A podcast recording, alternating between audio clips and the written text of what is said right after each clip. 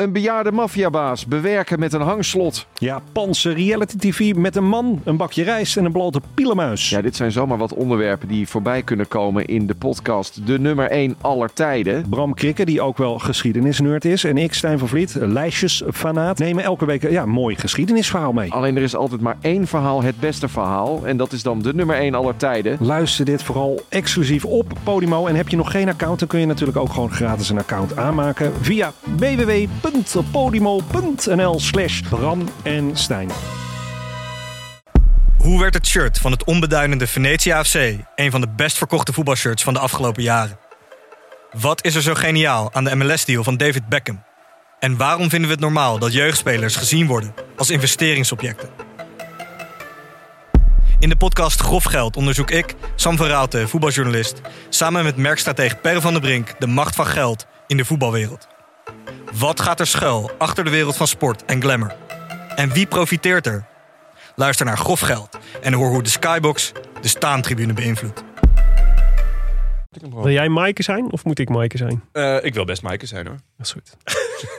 Bonjour et bienvenue bij de Daily Rode Lantaarn. Jouw dagelijkse korte vooruitblik op de Tour de France. Vandaag etappe 6. En we gaan punchen. Punch, punch, punch.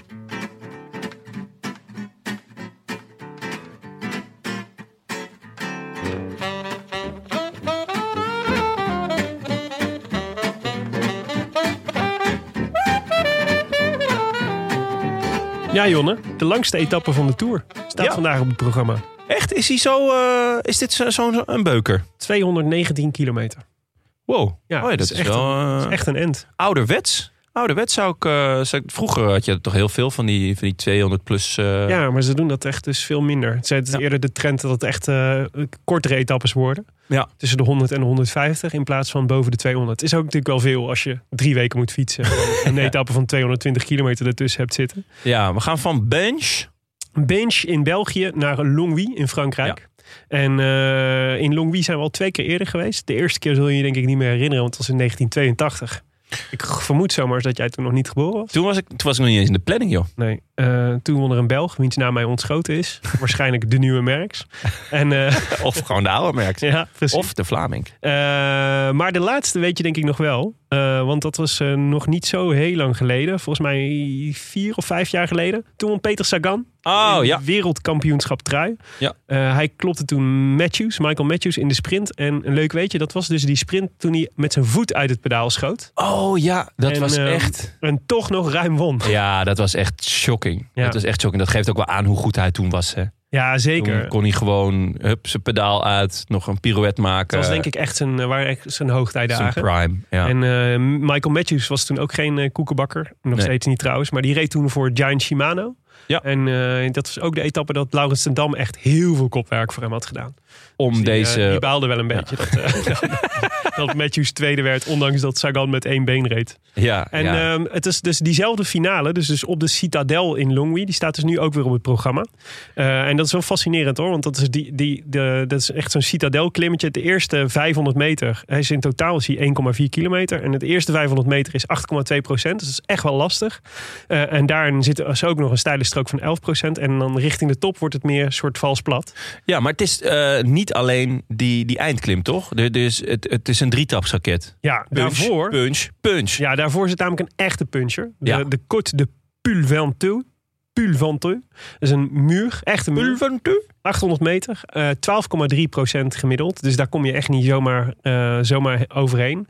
Eh, en inderdaad, dat is dus de eerste muur. Dan is het eh, de afdaling van die muur. En die loopt eigenlijk recht over in, die, eh, in dat, eh dat valsplat richting de citadel, richting de slotklim. Ja. Eh, dus het is wel echt een spectaculair einde.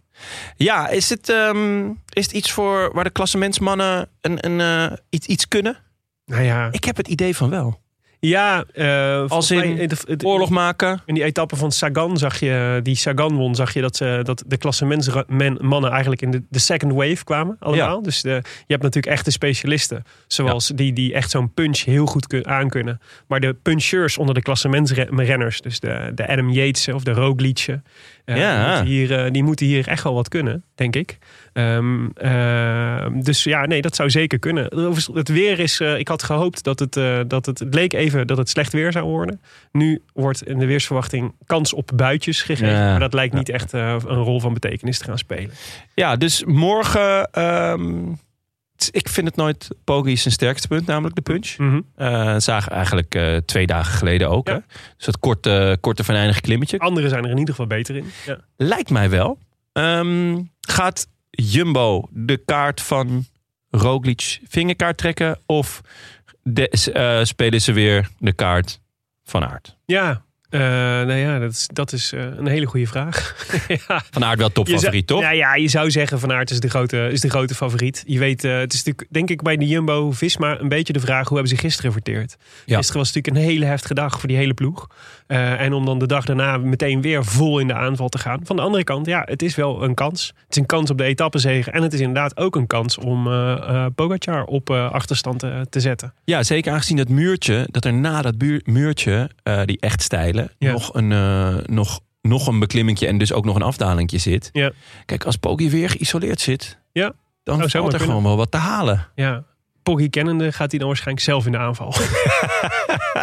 ja. ja, ik weet het niet. Ja. Nee, ja, ja, Wout van Aert is voor mij wel favoriet. Wie zou je er nog naast zetten? Nou, eh, net al genoemd, eh, het is een donker paard, maar heel donker niet. Peter Sagan. Ja. Ja. Ehm, en een persoonlijk favorietje van mij is eh, in dit soort etappes altijd Michael Woods. Ja, het zou kunnen. Die, eh, ik, het is altijd in dit soort etappes de vraag van eh, hoe, hoe steiler, zeg maar, hoe meer het naar Woods gaat en hoe vlakker het, het iets meer naar de Sagans en de Van Aerts van deze wereld gaat. Ja. Nou ja, als het dezelfde aankomst is als waar Sagan won, dan moet Sagan het kunnen. Eh, maar stiekem hoop ik dan altijd wel op eh, het type Michael Woods. Ja. Hebben we Nederlanders die mee kunnen doen morgen? Ja, ehm, dat vind ik een beetje moeilijk te zeggen. Want Van de Poel zou het absoluut moeten kunnen. Maar hij is echt niet in Denk goede terug doen. aan de Giro van dit jaar. Zeker. Ja. Ehm, van de Poel is echt niet in goede doen. Hij voelde zich niet zo lekker de eerste paar dagen. Kreeg En- zelfs een lekker band op de kasseien. Ja, dat is, Ja, dat is toch een godspe. ja absoluut. Ehm, dus dan misschien toch Mollema? Het zou leuk zijn. Heeft, die kan lekker aankomen. Ik denk niet dat, dat hij hem kan winnen. Maar ehm, ja, why not? Pourquoi pas? Ja, we gaan het zien. Ja. Veel plezier van de middag, vanmiddag. Geniet ervan. A biento. A biento. I wish I could be in the south of France. In the south of France. Sitting right next to you.